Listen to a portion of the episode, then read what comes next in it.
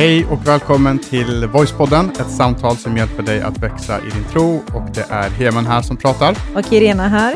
Eh, och vi är mitt inne Irena, i det här temat som eh, vi kör nu som heter Din vilja, som handlar om Guds vilja. Mm. Och eh, i de två första avsnitten så pratade vi om Guds allmänna vilja, alltså Guds vilja för hela världen, för universum, varför skapade han världen? Varför skapade han människor överhuvudtaget? Mm. Eh, man, ja, en del kan ju tänka, jag förstår varför Gud har skapat just mig, mm. men varför skapade han dig?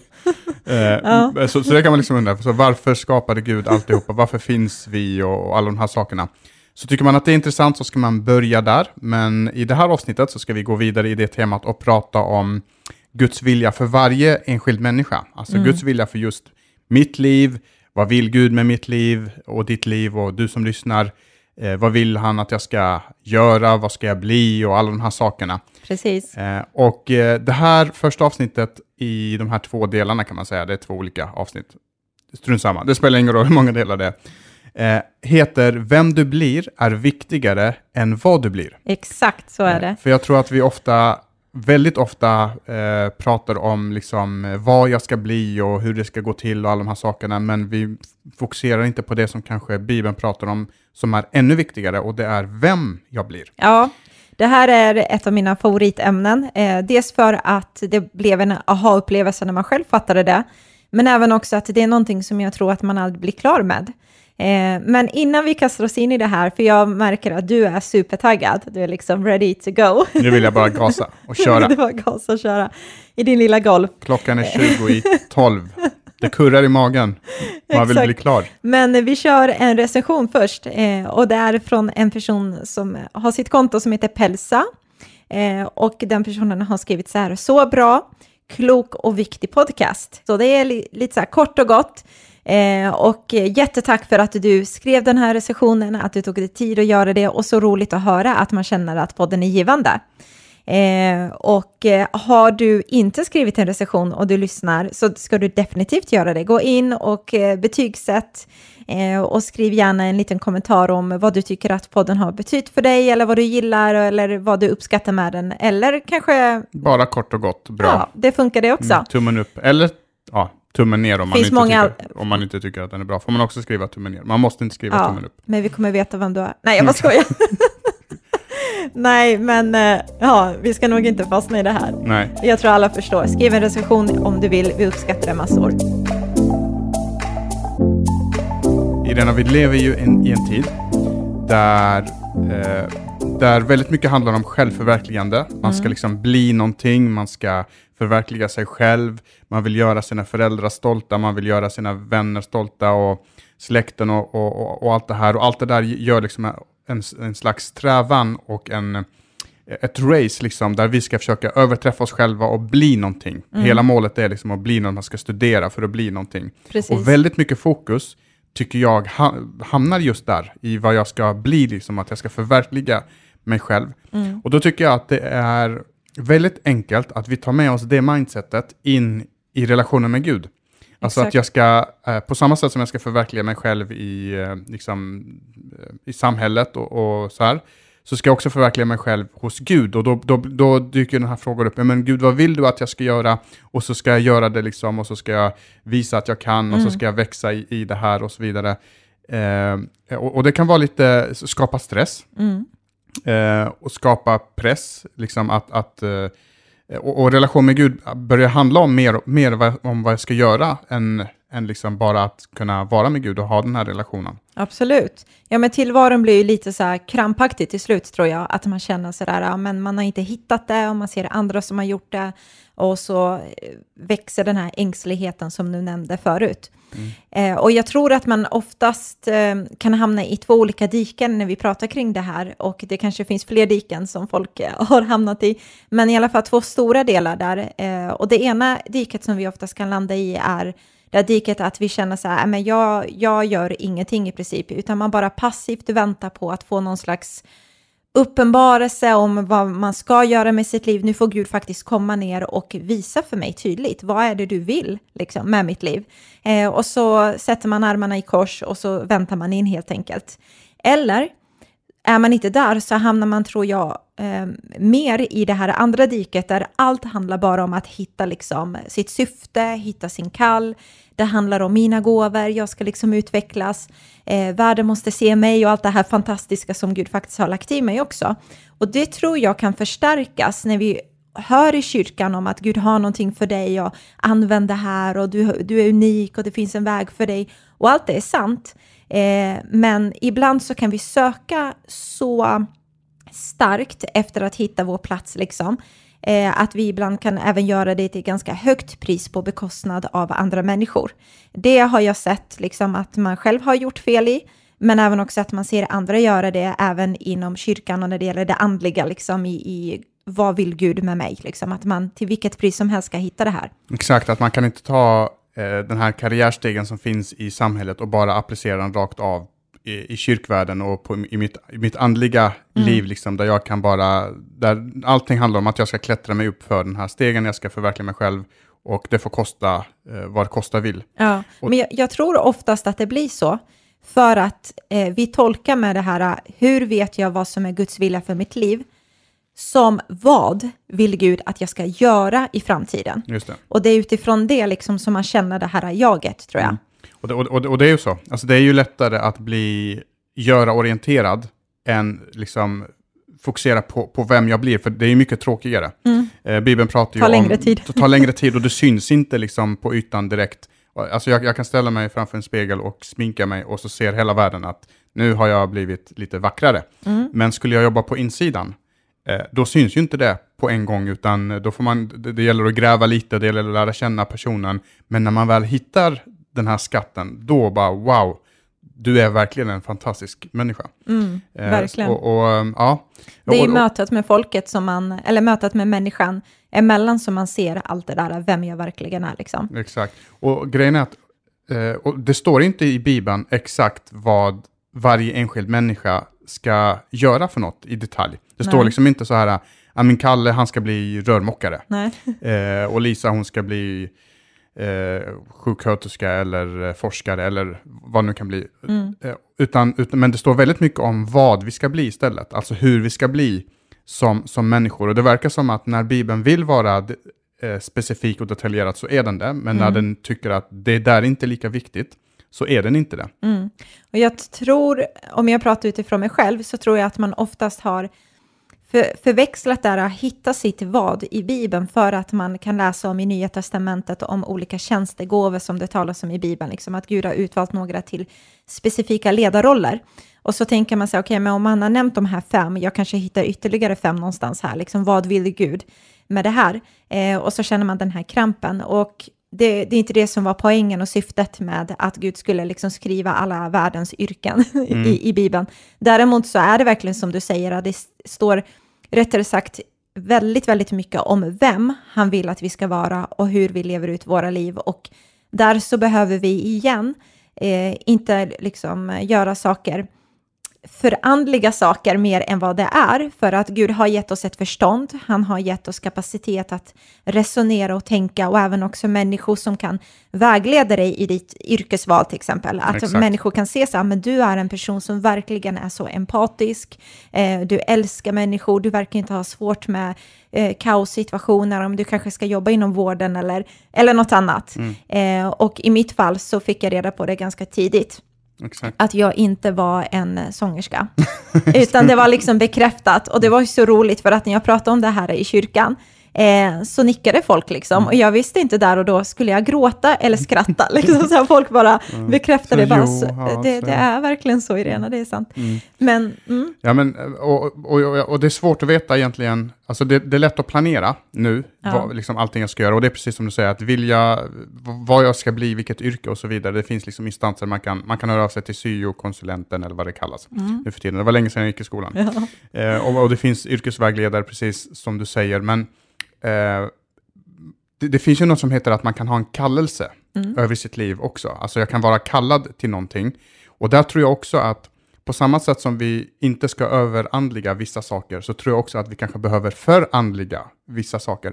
Alltså en kallelse handlar inte bara om jag ska bli pastor eller inte. Mm. Eh, eller om jag ska jobba i kyrkan eller inte, utan en kallelse kan lika väl handla om att just precis som du sa, ska jag bli sjuksköterska eller ska jag bli... Mm. Eh, så, så det där är ju lika mycket en kallelse Absolut. från Gud.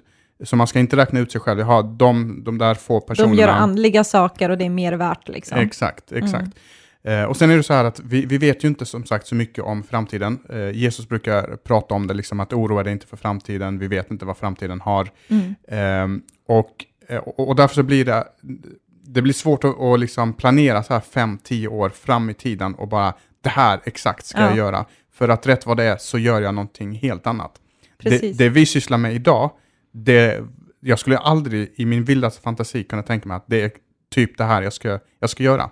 Utan det har liksom gått steg för steg. Mm. Och vi vet väldigt lite med handen på hjärtat hur mycket du och jag än älskar att planera och du är väldigt så visionär och strateg av dig så vet man med facit i handen att väldigt lite blir så som vi har ändå förutspått. Och det är lite det som eh, Jakob försöker förmedla i eh, Jakobsbrevet, kapitel 4 och vers 13 till 16. Då säger han så här, lyssna, ni, eh, lyssna nu, ni som säger idag eller imorgon ska vi resa till den eller den staden stanna där ett år, göra affärer, tjäna pengar. Ni vet inget om morgondagen. Vad är ert liv? Ni är en dimma som syns en liten stund och sedan försvinner. Istället borde ni säga om Herren vill och vi får leva ska vi göra det eller det. Men nu skryter ni och självsäkra och allt sådant skryt är av ondo. Så när man läser det här så får man ändå så en liten så påminnelse, just det, hur mycket jag än planerar, hur mycket jag än liksom lägger upp mina mål och delmål och allt det, så har jag ingen garanti för att allt kommer bli så här exakt. Jag vet ingenting om morgondagen och istället så behöver jag i mitt hjärta säga Gud, led mig i det här om du vill, låt din vilja ske. Mm. Exakt, och det kommer vi prata mycket mer om i kommande eh, avsnitt. Men, men, det här handlar ju inte om att man inte ska planera. Nej, det handlar inte om att man inte ska spara för framtiden eller att man inte ska veta vad man ska göra och luska ut liksom hur framtiden ska se ut, utan det handlar helt enkelt om att ha en, en ödmjuk inställning inför mm. livet. Att jag, jag vet inte hur morgondagen ser ut, jag vet inte om jag kommer finnas i morgondagen. Jag vet inte vilka olyckor som kommer möta mig, men jag vet inte heller vilka dörrar som kommer öppnas upp för mig. Jag vet, liksom, alla de här sakerna har jag ingen aning om. Mm. Och därför så brukar vi säga i vår familj, vi har så här myntat ett ordspråk, vi har säkert nämnt det flera gånger tidigare, eh, där vi säger att det som kan vara otänkbart nu kan vara självklart imorgon. Ja. Eh, och, eh, och, och, det gör att man, man får en, liksom en öppen inställning för livet. Man är öppen för, vad har du för förslag? Gud, eh, mm. eller inte förslag, men vad, vad, vad, vill du att jag ska göra liksom här framöver? Hur, ser, hur kan min framtid se ut? Eh, för att det är det planerandet gör. Du är fantastiskt bra på att planera. Alltså du typ så här, du planerar, jo men man sitter så här. Och jo så, men fortsätt, eller? Nej men det kan, det kan vara typ så här, Ja, om, om, fem minuter ska jag upp och göra tvätten. Kanske finns en, om tio minuter ska kanske upp och... finns ett namn för det där, jag vet inte. det finns säkert. säkert. Men, men, men tack, jag suger åt mig. Mm. Men det är verkligen så, för jag, jag tänkte bara just det här, allt, det som är otänkbart till nu kan vara självklart imorgon, det är en lite så mantra som vi kör hemma. Och det ser vi också. Jag tror, jag tror, lyssnar man på det så kan man komma ihåg olika situationer, kanske för ens eget liv eller andra människor också, där man tänker så här, men vi tar ett par som ett exempel. Ja, men de såg jättelyckliga ut på sociala medier, the, the perfect couple, liksom allt var bra. Och plötsligt så eh, får man reda på att de går skilda vägar. Jättetråkigt och tragiskt. Och så tänker man så här, va, de två? Det var ju helt otänkbart att just de två skulle gå skilda vägar. Så det kan ju vara liksom när det gäller lite tråkiga och negativa saker, men det kan också vara positiva saker.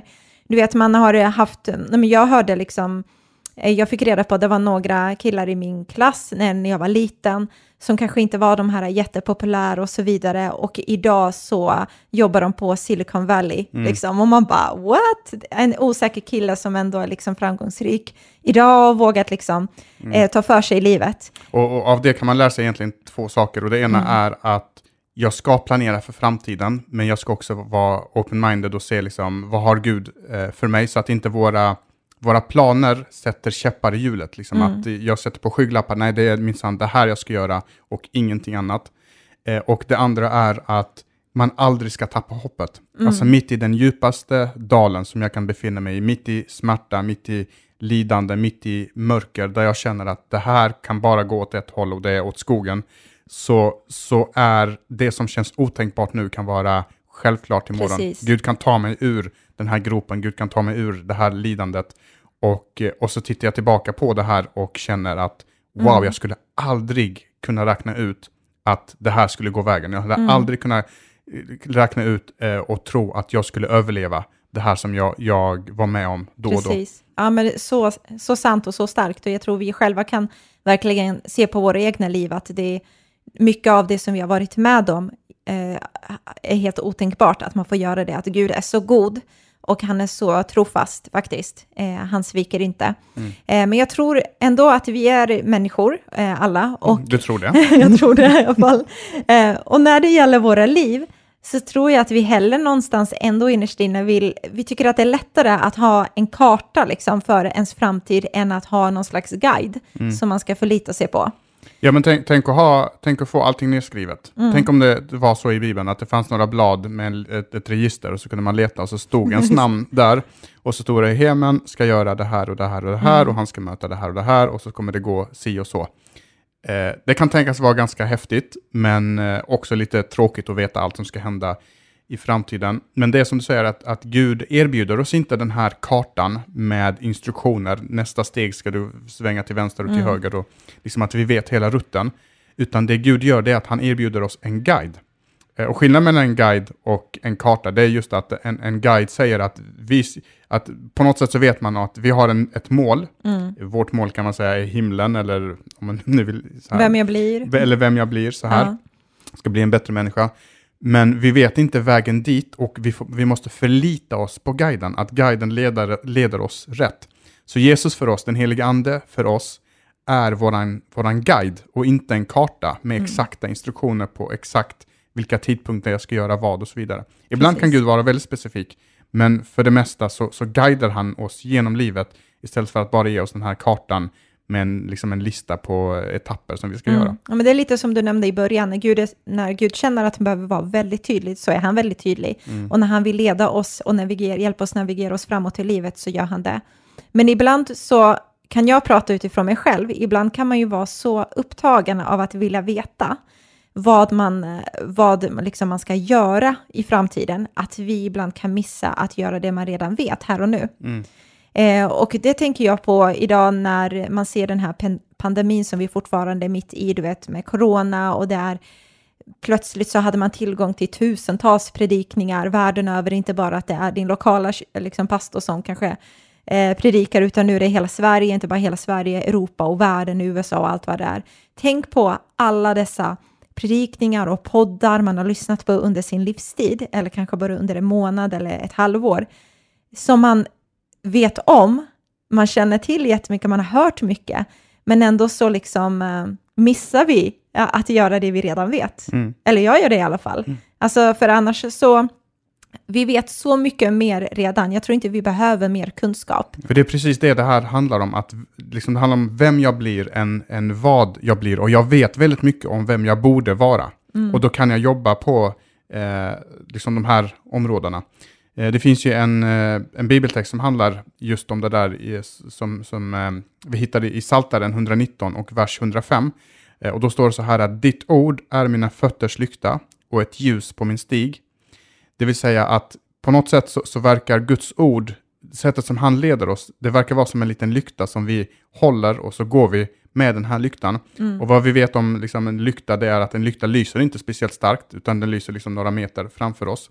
Och då, då är det som att Gud vill, vill säga att, att om du börjar gå så kommer vägen att ly, lysas upp framför dina fötter allt eftersom du går. Precis. Men står du, fot, står du bara still, ja, men då kommer du inte se det som, det som ligger en kilometer bort och, och, och längre fram läng, längs resan. Mm, Och lite den här saken, liksom att, ja, men vad, vad vet jag just nu? Börja gå på det jag vet Mm. just nu och så kommer vägarna att lysas upp och så kommer jag veta mer och bilden blir klarare vem, vem jag ska bli och jag lär känna mig själv bättre, jag lär känna Gud bättre, jag tar bättre beslut och alla Mm. de här sakerna. Ja, men verkligen.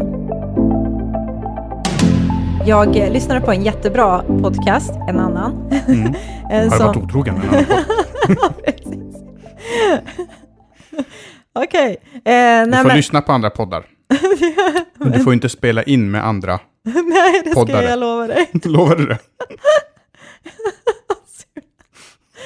I alla fall. Eh, Lova att det bara är jag. Du är min enda poddare. Okej, eh, i alla fall, det som var väldigt bra där var att det var lite så här ledarskapspodd.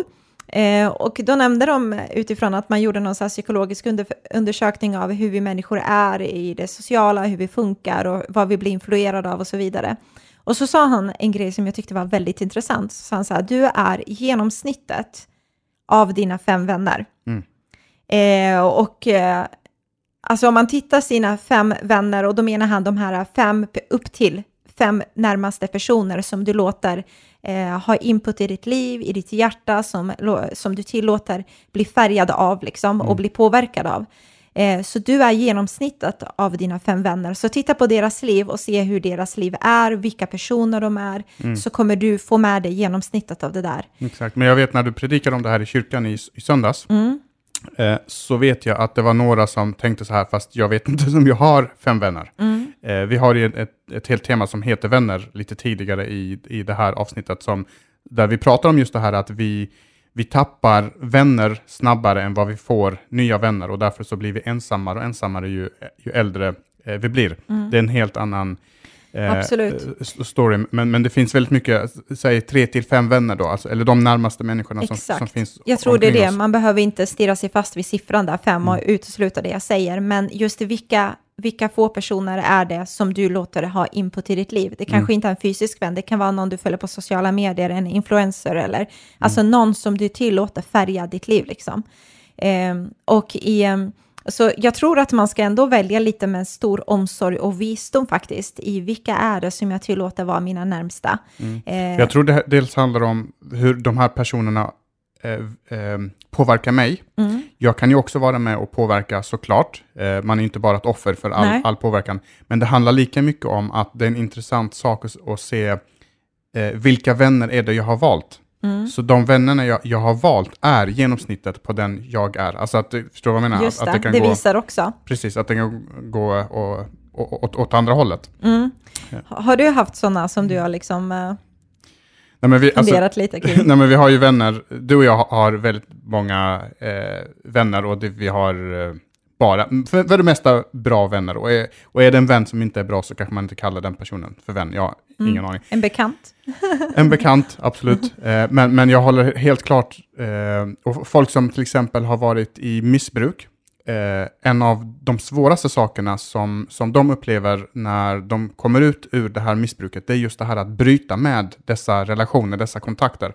För att de, de vill någonting nytt, de vill någonting annat, man vill, man vill göra sig fri från en sak, men man hålls tillbaka av dessa relationer och kontakter man har. Och ibland tror jag det kan vara likadant i, liksom på andra områden, att här vill jag ta nya steg, jag vill utvecklas, jag vill bli en bättre människa, jag vill lära känna Gud bättre, eller jag vill, det kan vara alla möjliga saker, men så hålls man tillbaka av alla förväntningar som finns bland människor runt, runt omkring en. Mm. Om hur man ska vara, om hur man ska leva och, Precis. och, och, och så. Verkligen. Och, och, och liksom de här, så här osynliga band som, som blir svåra att bryta. Mm. Men jag kan ju tänka tillbaka när jag var ung eh, och eh, jag är fortfarande passionerad så det har ju inte liksom försvunnit. Men när jag var extremt passionerad, eh, eller hade svårt att kanalisera det rättare sagt, eh, så kommer jag ihåg att jag hade några vänner där, där jag tror att den enas mamma var lite sådär, jag vet inte riktigt om min dotter ska umgås med Irena, för jag vill inte att min dotter ska bli genomsnittet av henne, för jag pratade väldigt mycket om Gud och bara, ja, ah, men det är självklart så här och liksom var väldigt frispråkig kring det. Och då vet jag att hennes mamma inte gillade mig supermycket, eh, utan hon var lite så här, tittade på mig lite skeptiskt, liksom. Så då kanske hon tänkte så här, "Vi- vilka fyra, fem vänner har min dotter? Eh, Oj, är hon en av dem? Tänk om hon blir genomsnittet och blir en sån, liksom. Ja, men det, är, det är kul att tänka tillbaka på så här gamla vänskapsrelationer man, man, man har haft. Jag vet att en av mina bästa kompisar när jag var ung eh, var en kille som, hette, eller som heter eh, Hussein, heter han. Vi kallar honom för Husse. Eh, Hussen kallade vi honom. Eh, och jag, jag kommer ihåg att första dagen på, i skolan, jag, jag, började i sam, jag började i hans klass efter ett halvår i första klass. Så alla hade liksom lärt känna varandra och då minns jag så tydligt att vår lärare frågade ah, vem, vem vill bli Hemens kompis och då räckte han upp Vad handen fint. och så ville han bli min kompis. Ja. Men han, hans pappa ägde en däckfirma. Mm. Lämna, lämna ut honom. Eh, sådär. Hans pappa ägde en däckfirma och därför så, han hade alltid pengar. Han hade alltid pengar med sig och var, nästan varje dag efter skolan så gick han till eh, en godisaffär eller till eh, liksom en matvarubutik och så köpte han godis och chips och, och andra grejer på vägen hem eh, från skolan. Och vi hade säkert en halvtimme, 40 minuter promenad hem från Mm. skolan. Eh, och så hängde jag alltid på. Och jag blev lite som hans liksom, så här, rådgivare som skulle igenom... Ekonomisk rådgivare. Ja men exakt, men köp den här och den här är bra och så för vidare. du gillar det. För att jag gillar det, exakt. Ja. Eh, Så kanske var det så att jag ville bli som han. Ja. Nu blev det inte så. jag blev inte rik. Men du, Eh. du kan gå och köpa godis och läsk nu efter jobbet om du vill. Jag har råd att köpa eh, go godis och läsk. Men jag tror i ledarskap just så pratar man mycket om det här, vem vill jag bli? Mm. Eh, och vad måste jag då liksom göra för att bli den här personen? Och eh, jag läste om det att de mest inflytelserika ledare, att de sätter sådana här vara-mål. Mm. Alltså jag ska vara mer tålmodig eller jag ska vara en chef som leder med exempel. Eh, och jag tror att vi alla har blivit utsatta för eller jobbar med, tyvärr, med en, en sån dålig chef. Du vet att man har sin titel, men hur man är eh, är bara som en jätte liksom, avtändande, ja det känns inte alls trevligt. Men man liksom. undrar, hur, hamnar, hur kom du upp Hur? i den här... Exakt. Och, och det, det där är just ett bevis att man är villig att göra allt för att komma Mm. till en viss position. Precis. Så man ska börja med vem man vill vara och så låter man liksom handlingarna komma utifrån det och de beslut man tar. Jag tror exakt samma sak är det egentligen när vi applicerar det i vår relation till Gud. Att Gud börjar med att säga vem jag är. Alltså han säger att jag är hans barn. Han säger att om jag har tagit emot Jesus är jag en ny skapelse på insidan. Han säger att jag står rätt till med honom på grund av Jesus. Han säger att jag är förlåten. Och utifrån vem jag är så väljer jag de valen, så tar jag de valen jag tar och låter mig navigeras framåt i livet utifrån den sanning av vem jag är. Exakt. Eh, så Det vem finns jag blir liksom börjar redan nu. Precis, och, och, det, och det där är ju det som gör kristendomen väldigt annorlunda. Att det börjar inte utifrån och in, utan Mm. det börjar inifrån och ut. Eh, jag brukar ta den här bilden med, ja men du vet, eh, ta, en tonåring eh, som, eh, som är så här störig och högljudd och jobbig, liksom för långa händer, för stora fötter och lite fjunn och du, du kan tänka dig in i Oproportionerlig. oproportionerlig moppekille liksom.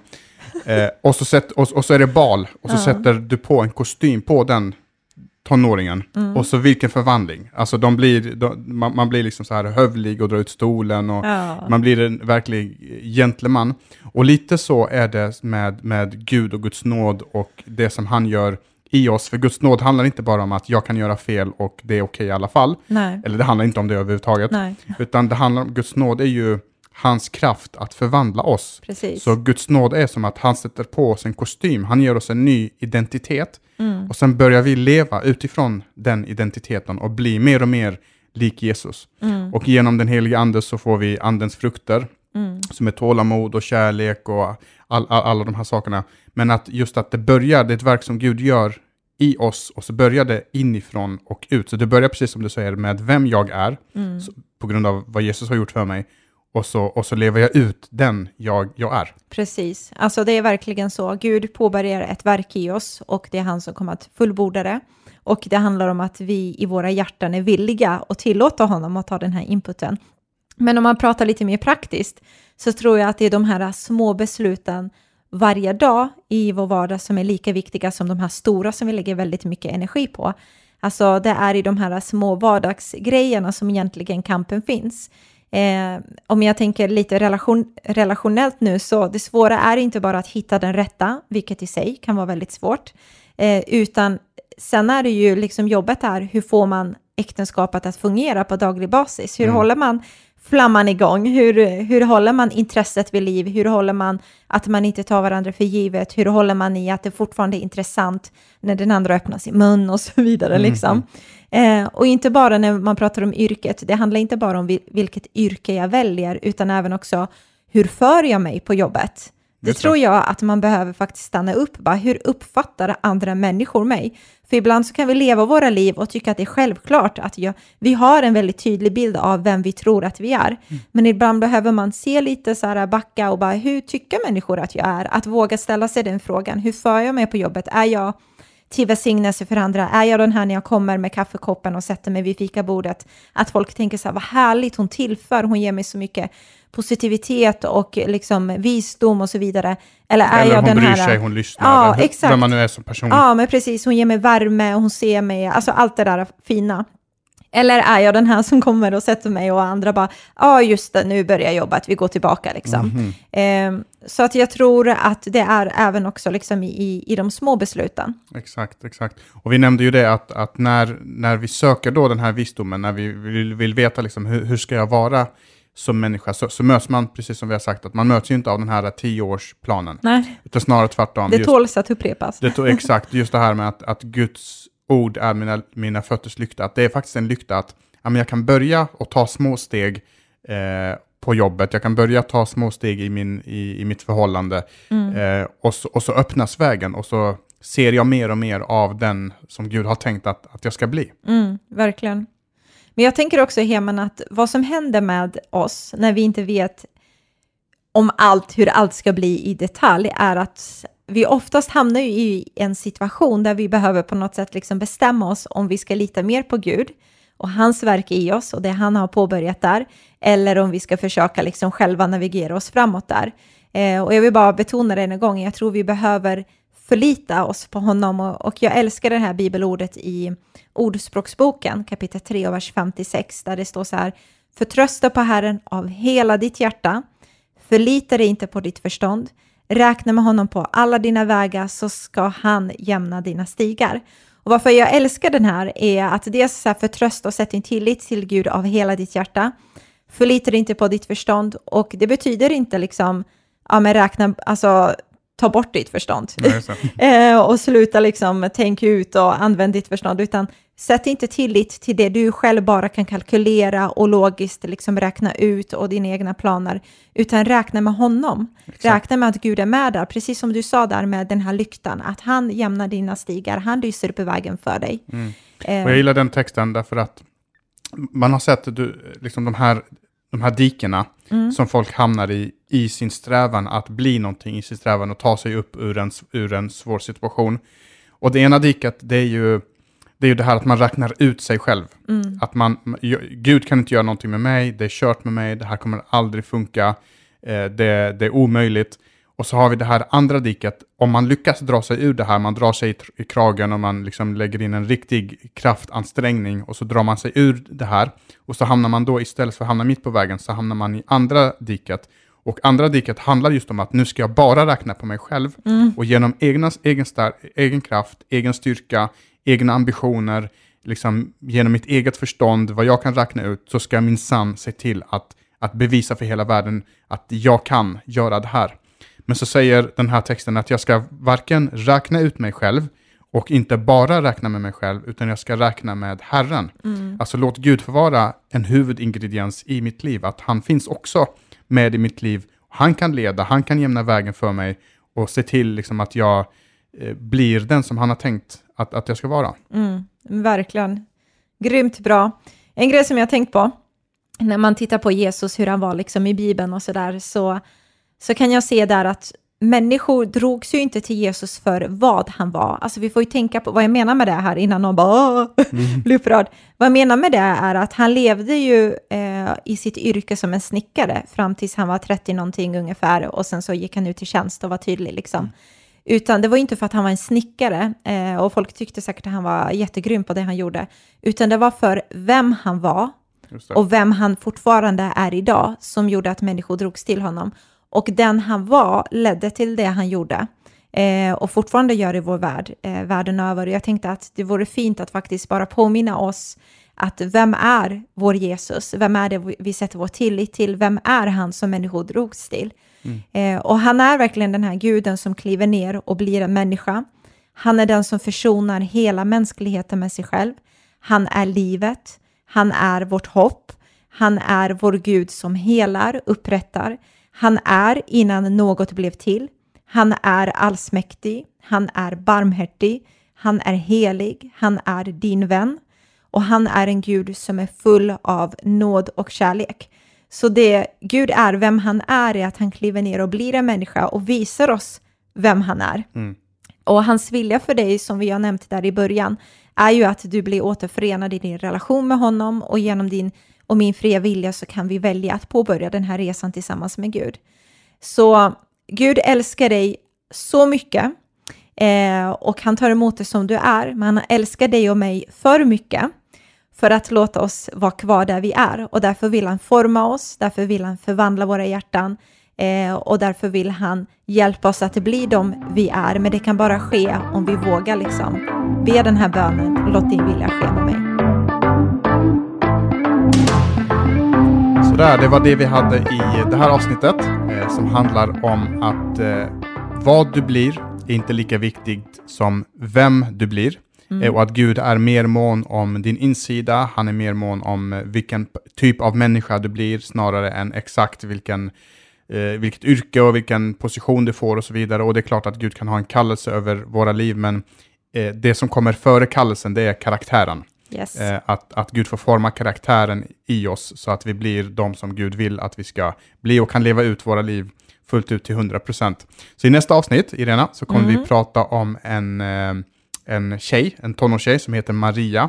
Och titeln på det avsnittet är Attityden som förändrade världen. Ja, eh, och då ska vi se liksom hur Guds vilja fick ske i hennes liv och vad det var, hur hennes inställning var och vad det var hon gjorde och eh, alla de här sakerna. Eh, så du yes. som lyssnar, du får gärna eh, dela det här med eh, de du känner så ska vi komma tillbaka om en vecka igen. Det gör så vi. hörs vi. Ha det bäst nu. Hej då.